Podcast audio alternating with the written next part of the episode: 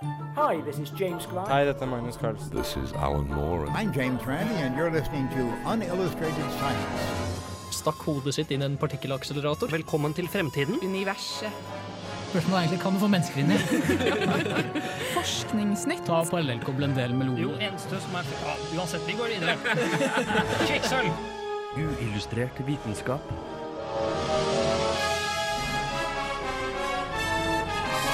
Science, works. I årets første sending får du vite hvorfor 2015 blir ett sekund lenger enn 2014. Om blåøyde er utrydningstruede, og hvorfor noen er A-mennesker, mens andre er B-mennesker. I tillegg får du vite om en ny type penicillin som nettopp er oppdaget.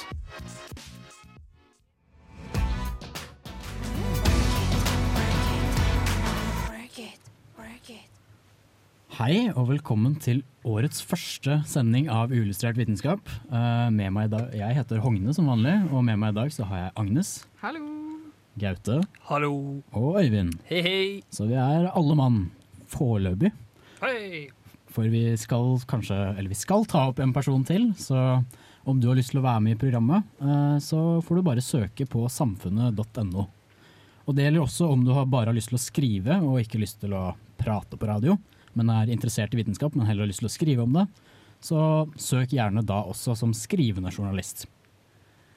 Eh, vi kan jo begynne med en liten fun fact, og siden det er starten på et nytt år, så tenkte jeg en liten fun fact for eh, ja, litt sånn kropps, eh, kroppsvæsker og sånne ting. Hvor mye produserer du i løpet av ett år?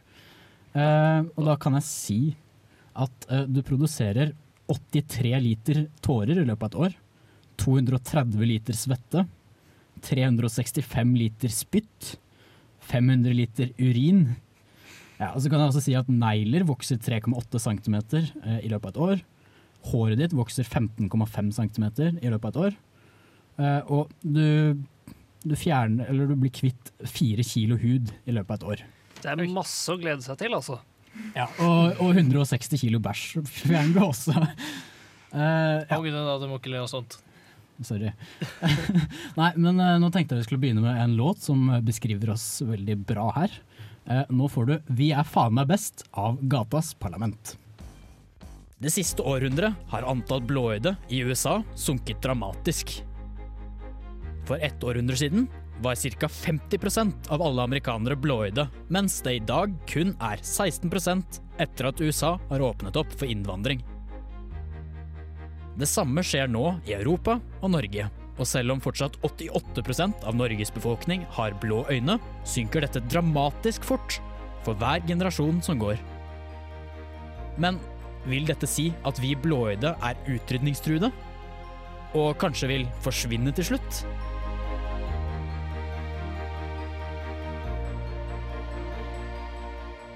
Nei, blåøyde er ikke utrydningstruet.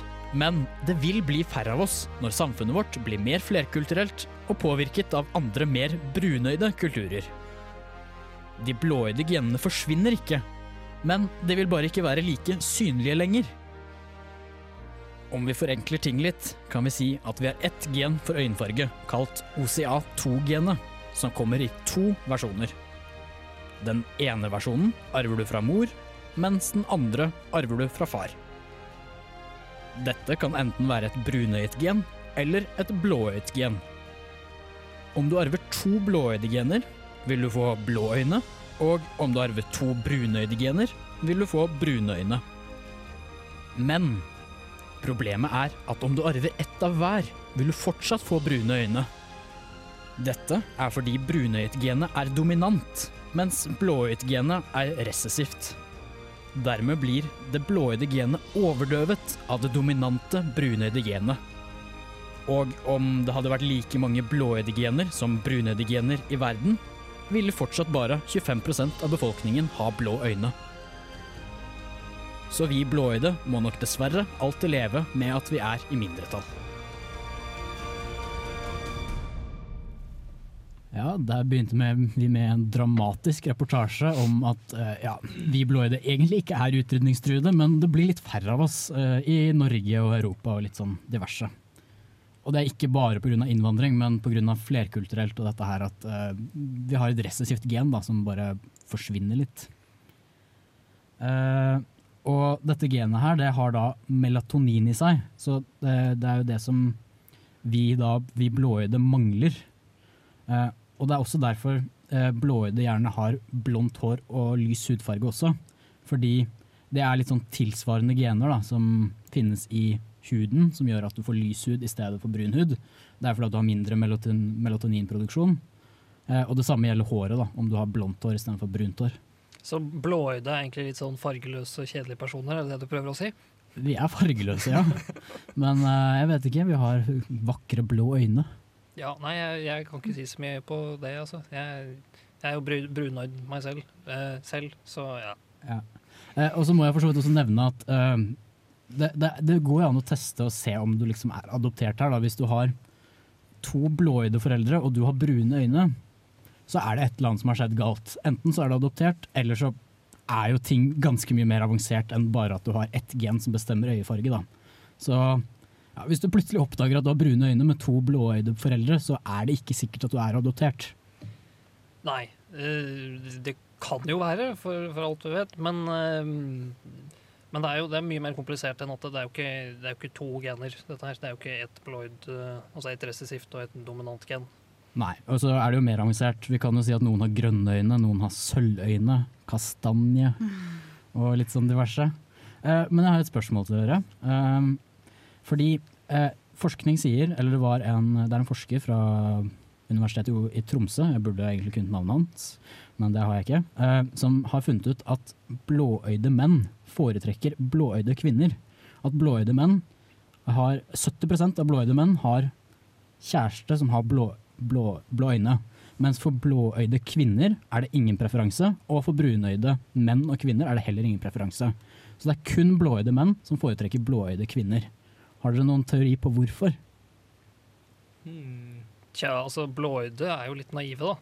Det- Eller eh, Jeg vet ikke om det Det er kanskje ikke så veldig mye sammenheng akkurat der, men eh, Kan det ha noe å gjøre med at menn er kjempeparanoide for at det ikke er deres barn, og derfor så vil de ha kvinner med samme innfarge, sånn at de vet at det er deres Ja, barn? Er det ja, det? fordi når du har For kvinner så har det ingenting å si, for de vet jo at barnet er deres om det kommer ut av dem. Mens eh, Forhåpentligvis. Men for menn så er det jo sånn at de vet jo ikke om det er barnet deres, om hun bare har hatt sex med en annen mann og plutselig fått et eh, barn som ikke er ditt. Og du vil jo ikke ja, du vil jo ikke hjelpe å, eller bidra til oppveksten til et annet barn enn det som er ditt, vanligvis. Eh, og da kan du gjøre en sjekk. Hvis eh, du er mann og har blå øyne, og du finner deg en kvinne med blå øyne, og hun plutselig får et eh, brunøyet barn, da, sannsynligvis, da er sannsynligvis ikke det barnet ditt. Så det er en sånn liten sjekk da, for oss menn. Så ja. Det er også helt sånn der, uten at vi tenker på det, så er det bare blitt sånn. For jeg tror det er ingen som gjør, gjør det bevisst, men vi bare foretrekker blåøyde kvinner da, uten at vi tenker over det. Eh, og en annen liten spennende ting er at alle blåøyde har en felles stamfar som eh, han vokste opp i Eller han eller hun vokste opp ved den baltiske sjøen for 6000 10 000 år siden. Så alle med blå øyne vi er egentlig veldig genetisk eh, sammenkobla. Enda mer enn alle dere andre brunøyde. jo, takk for det. Ja, eh, nei, eh, vi kan komme oss videre og prøve å høre litt hva Per-genet er. Per3-genet, som er en Ja, nå får du den reportasjen. Er du av typen som våkner tidlig av deg selv i helgene? Eller er du en av de som har det vanskelig når vekkerklokka ringer i syvtiden på en mandag? Befolkningen deles ofte opp i to kronotyper når det kommer til søvn. Disse to kronotypene er mer kjent som A-mennesker og B-mennesker. Man har lenge trodd at A-menneskene står opp tidlig fordi de er disiplinerte, og at B-menneskene står opp sent fordi de er late. Men dersom du er et B-menneske, bør du vite at du verken er spesielt lat eller uproduktiv. Fordi det er nemlig en genetisk grunn til at noen liker å legge seg sent, og noen liker å stå opp tidlig. Jorda bruker 24 timer på å rotere rundt sin egen akse, og i løpet av disse 24 timene opplever vi dag og natt. Derfor har nesten alt som lever en cirkadelisk rytme. Disse rytmene danner en slags indre klokke som reagerer på vekslingen mellom lys og mørke. Menneskers indre klokke er en bitte liten celleklump i hjernen.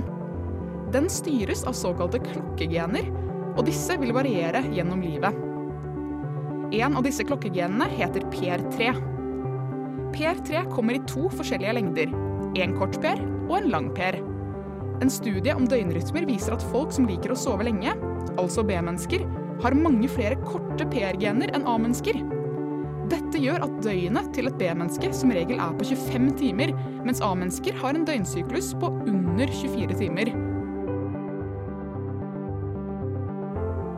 Så dersom du er et B-menneske og ofte får kritikk for å være lat og udisiplinert, kan du huske på at når det kommer til stykket, er det pga. en kort Per. Ja, der fikk du saken til Agnes om Per3-genet. Og dette her med A- og B-mennesker. Eh, hvis man da Eller det finnes noen her i studio som er ganske B-mennesker, eller? Ja, jeg er veldig B-menneske. Ja, det høres jo kjent ut. Ja. Det kan jeg innrømme. Ja. Ja, det er en ganske, ganske, aktuell, eh, ganske aktuell sak. Tenkte at det passet veldig bra på nyåret også. Eh, Men en av de tingene man kan spørre om, er om det er mulig å eh, tilpasse seg hverandre. Altså om A-mennesker kan bli B-mennesker og omvendt. da. Og det er det jo absolutt mulighet for, for de aller fleste er jo en slags mellomting. Og så varierer det veldig fra alder til alder, da, sånn at når man er tenåring, så er det veldig vanlig å være B-menneske. da. Og noen syns det er mer naturlig å ha en jobb fra 19 til 17 istedenfor 8 til 16. Eh, Og problemet for B-menneskene er jo det at samfunnet vårt er jo på en måte bygd opp for at alle skal være A-mennesker. Og i Danmark så um, har de nå begynt å protestere ganske mye på det her. da. Så de har eh, dannet en klubb eller en organisasjon som heter B-samfunnet, hvor de jobber veldig aktivt da, med å få samfunnet litt mer eh, fleksibelt og tilpasset forskjellige døgnrytmer. Og så argumenterer de da med at det er en veldig liten prosentandel flere B-mennesker enn A-mennesker. Eh, og at de vil prestere bedre på skolen og gjøre en bedre jobb dersom man kunne startet senere. da. Og så har de også et argument med sånn helsebringende, eller sånn helseargumenter, da, som at eh, de eh, Jeg fant ikke noe kilde på det her, egentlig, men at middelaldrende B-mennesker har en høyere risiko for å utvikle, utvikle depresjon. Og fordi at de også da sover, eller ofte er litt mer trøtte på morgenen, så drikker de mye mer kaffe og bruker sånn stimulerende substanser da, for å våkne opp. Og de bruker dette her som et argument. da. Men jeg synes jo egentlig, først når jeg så det her, så syns jeg det var litt tåpelig, men jeg syns jo dette her er kjempebra. Jeg er jo et B-menneske, og jeg synes jo hvis man kan tilpasse hverdagen så at den passer bedre for meg, så syns jo jeg at dette her er kjempebra, egentlig. Ja, altså for, som, for, som talsperson for uoffisiell talsperson for B-mennesker uh, her og nå, så vil jeg jo si at det jo, hadde vært fantastisk hvis samfunnet ville tilpasse seg meg. Uh, men er det noe jeg som B-menneske kan gjøre for å, for å ja, ikke være så trøtt? Det er et veldig godt spørsmål, som jeg også har gjort litt eh, research på. Eh, For det, som er veldig essensielt, essensielt når det kommer til eh, den biologiske klokken vår, det handler om lys, fordi at lyset bryter melatonin, som er det der søvnhormonet som gjør oss trøtte. da. Så derfor så bør man holde seg unna datamaskin og iPhone eller smartphone før man legger seg. Man bør ikke sitte på PC-en og se serie før man skal legge seg. Men det er jo noen som har lastet ned program som gjør at eh, skjermen skiller ut mer rødt lys enn blått. Og det skal visst være veldig bra, men jeg vet ikke om det funker, for jeg lastet ned dette her i høst. Jeg bruker det veldig ofte. jeg. Det heter F-lux, Ja, for noen som har lyst til å laste ned det. Men det ser jo så dust ut. altså Skjermen blir jo så stygg. men du er jo et A-menneske, Hogne, er du ikke det? Jo, du er et A-menneske. Jo, da, jeg har ikke et så stort problem som dere B-mennesker, men Det er ikke noe problem, jeg bare sover lenge. ja, jeg blir trøtt jeg også. altså Jeg trenger søvn. Jeg bare har nærmere et 24 timers døgn da, enn det dere har. Dere som holder på med 25 timer. Dere burde bo, levd på en annen planet. Så hadde dere også vært A-mennesker. Ja, kanskje det. Ja, det hadde vært kjekt. Men det finnes også flere PR-gener, fordi jeg snakket jo om PR3, og det finnes også PR1 og PR2. Eh, fordi at eh, man tror kanskje at eh, det er bare B-mennesker som har problemer her i samfunnet med å passe inn i strukturen og sånn, men det viser seg også at det kan, man kan ha et veldig stort problem som A-menneske også, fordi at det ble rapportert for ti år siden om tre familier som hadde et veldig stort problem med at de var A-mennesker. De var, de var rett og slett sånne ekstremmorgenfugler. Og de hadde et veldig stort problem med det. da. Eh, Og det som da har skjedd, er at de har fått en mutasjon i PR2-genet som gjør at de våkner av seg selv klokka fem da, og sovner sånn ja, etter barne-TV. Eh, nå tror jeg vi skal gå over fra P3-genet til antibiotika. Eh, Men først så får du 'Mellomrom' av Kjartan Gaulfossen.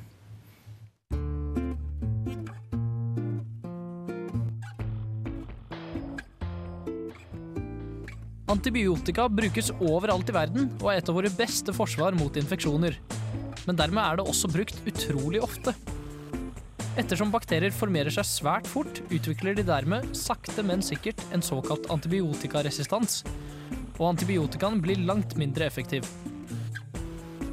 Derfor er man stadig på jakt etter nye typer antibiotika for å finne en vei rundt resistansen. Men oppdagelsen av disse har i det siste stagnert. Helt til nå, altså.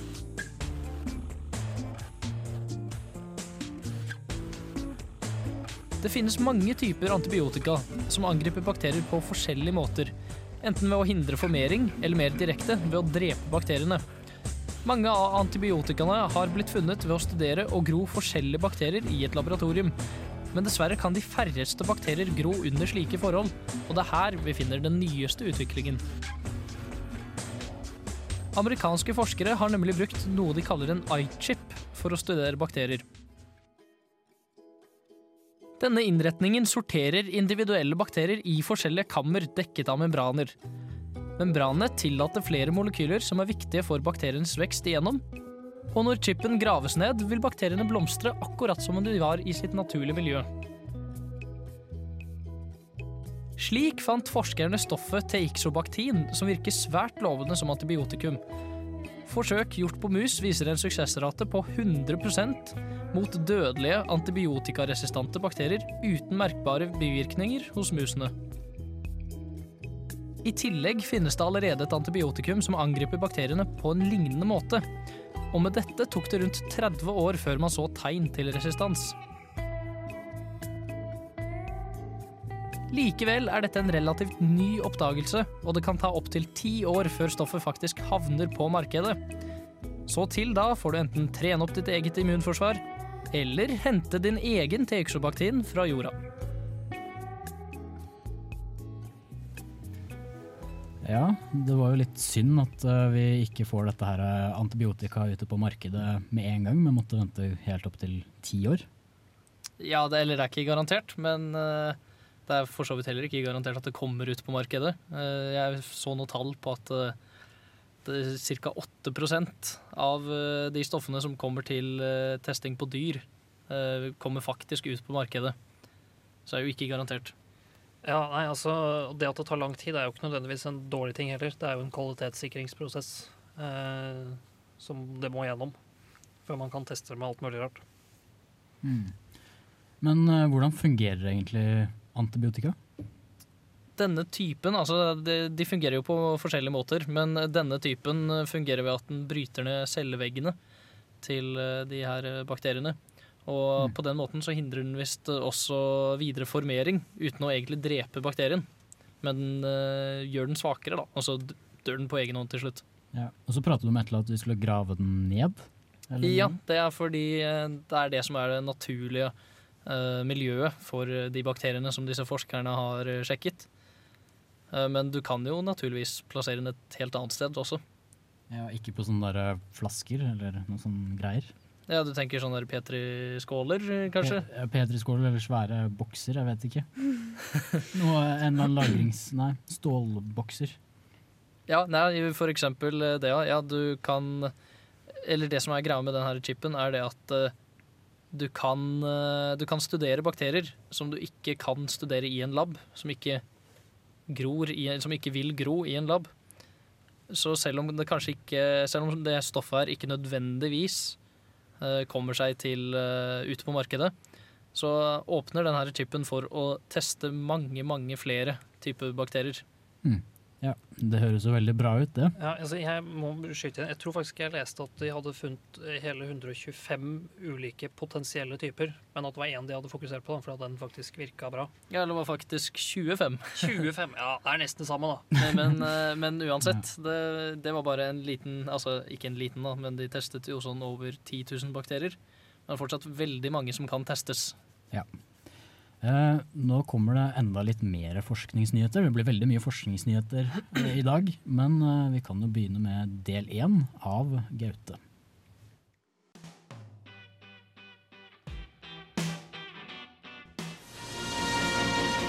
Uillustrert vitenskap presenterer Forskningsnytt.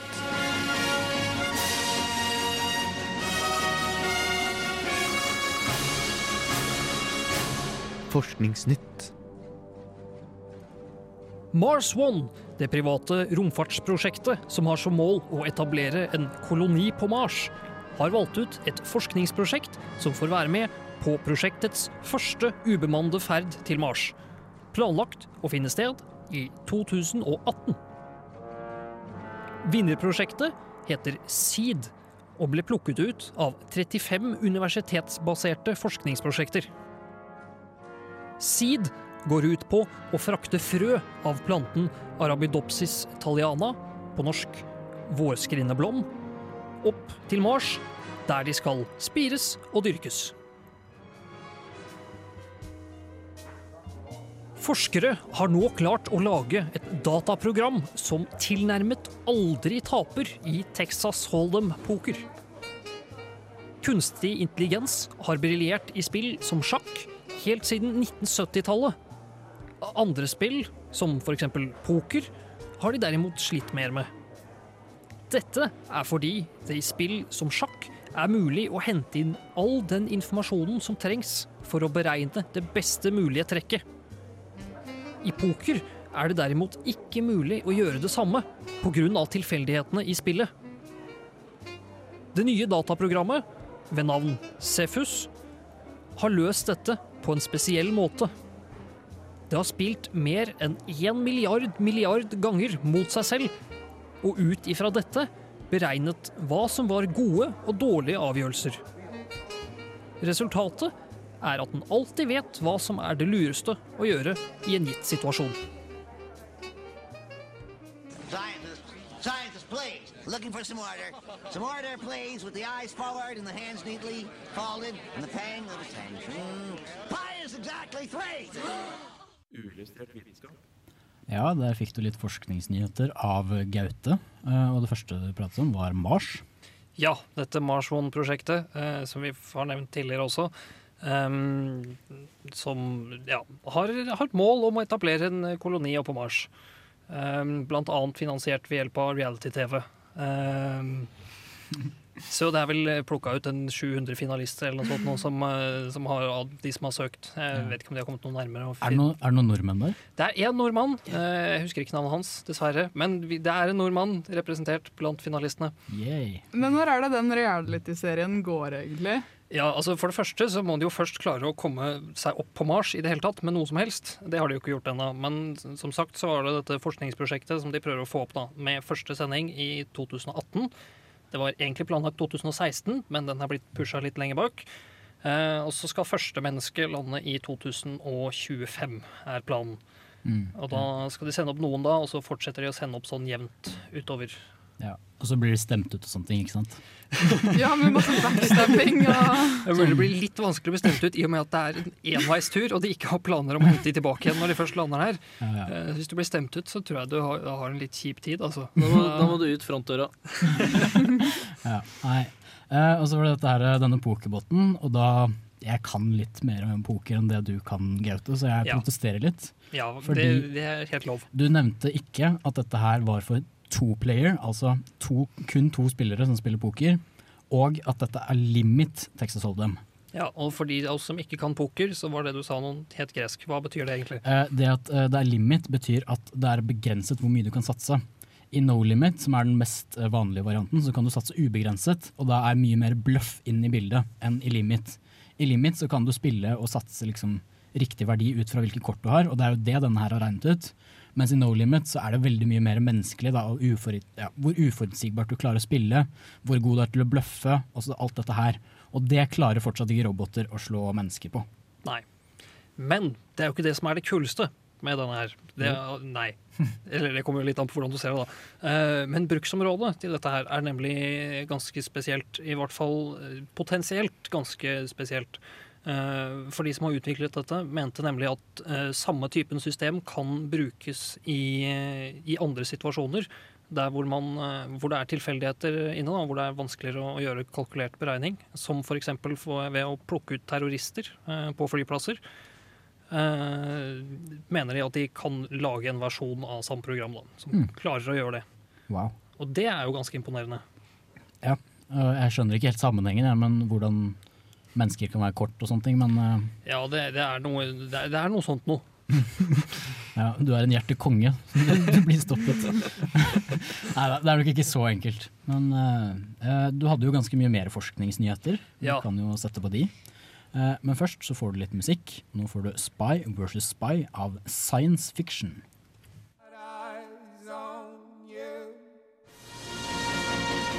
Uillustrert vitenskap presenterer Forskningsnytt.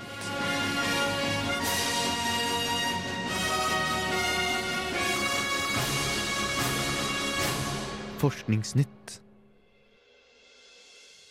30. juni vil bli ett sekund lenger enn vanlig i 2015.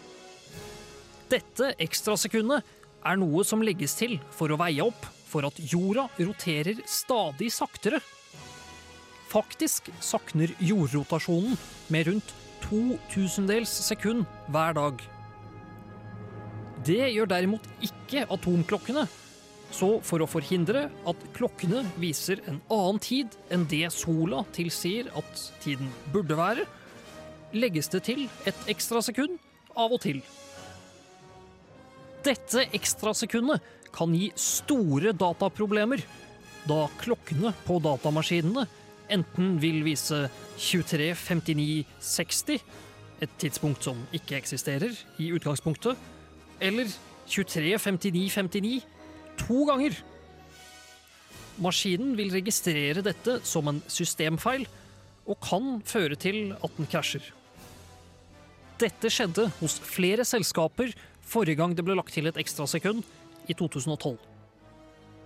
Totalt sett vil ekstrasekundet i 2015 være det 26. ekstrasekundet som har blitt lagt til siden man begynte å gjøre det i 1972. Forskere har klart å konstruere et implantat som kan kobles direkte til ryggmargen. Implantatet har fått navnet E-dura, fra duramater, et lag som omgir hjernen og ryggmargen. En av hovedutfordringene med å lage implantater som skal kobles direkte til ryggmargen, er at ryggmargen er både fleksibel og elastisk. Det er vanskelig å lage elektriske implantater som ikke ødelegger disse egenskapene, og dermed også ryggmargen. Men det virker som om E-dura har løst dette problemet. Hvis det er tilfellet, åpner opp for mange muligheter til å behandle skader på nervesystemet. Så langt har dette implantatet blitt testet på lamme rotter, som ved hjelp av implantatet og litt hjelp klarte å lære seg å gå.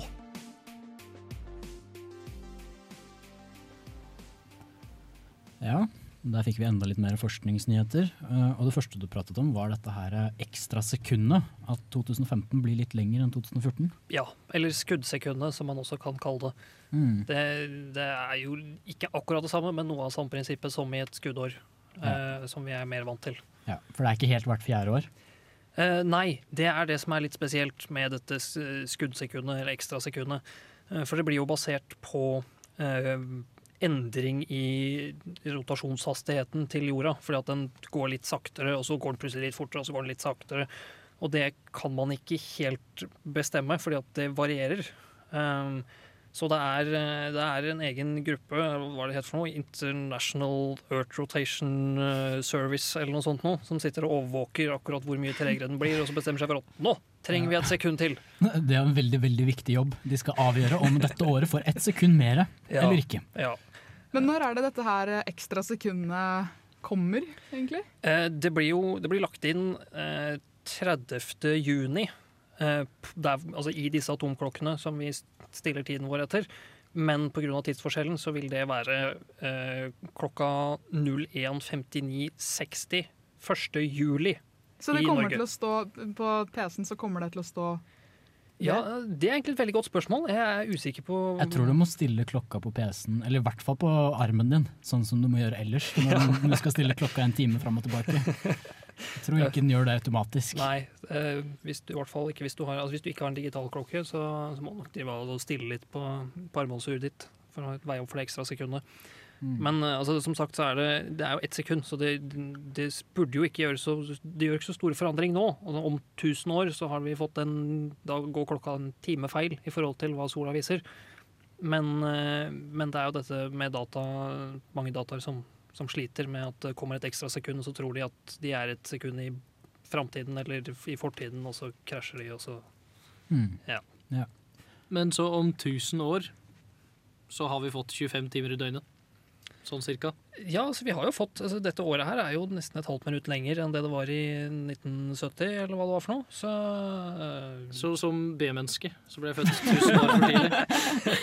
ja, det er sikkert det som er løsningen. Nei, altså Vi stiller jo klokka for å unngå å få et lengre døgn. Da, sånn at døgnet, eller den tiden som klokka viser, stemmer overens med hva sola viser på himmelen. Mm. Ja. Eh, Så hadde du denne her andre saken din. Ja, det er kult. Eh, Dette implantatet som eh, man har brukt for å få rotter til å gå, Men med litt juks. De har Mm. nemlig ikke klart å koble et, eh, et implantat sånn at rottene kan gå på egen hånd. De har klart å koble et eller annet inn i ryggmargen som rottene ikke frastøter, altså som, som er der uten å ødelegge ryggmargen, og som kan registrere ting fra hjernen, og som kan sende ut signaler sånn at du kan få en gåbevegelse. Men de har ikke klart å finne liksom signaler fra hjernen og helt ut til beina, så de må kunstig gi stimulasjon til dette implantatet for å lage gåbevegelser. Mm. Så de har fått rotter til å gå, men de går ikke av egen fri vilje.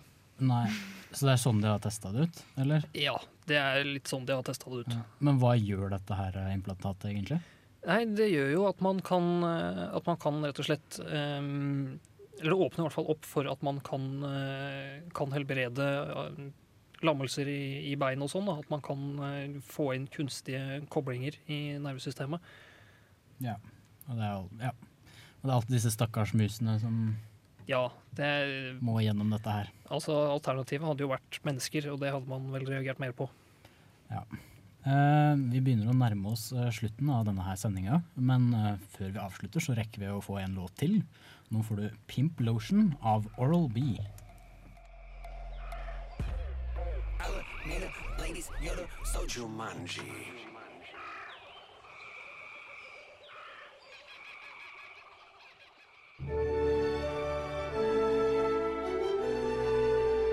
Hei, dette er Magnus Carlsen, og du hører på Uillustrert vitenskap.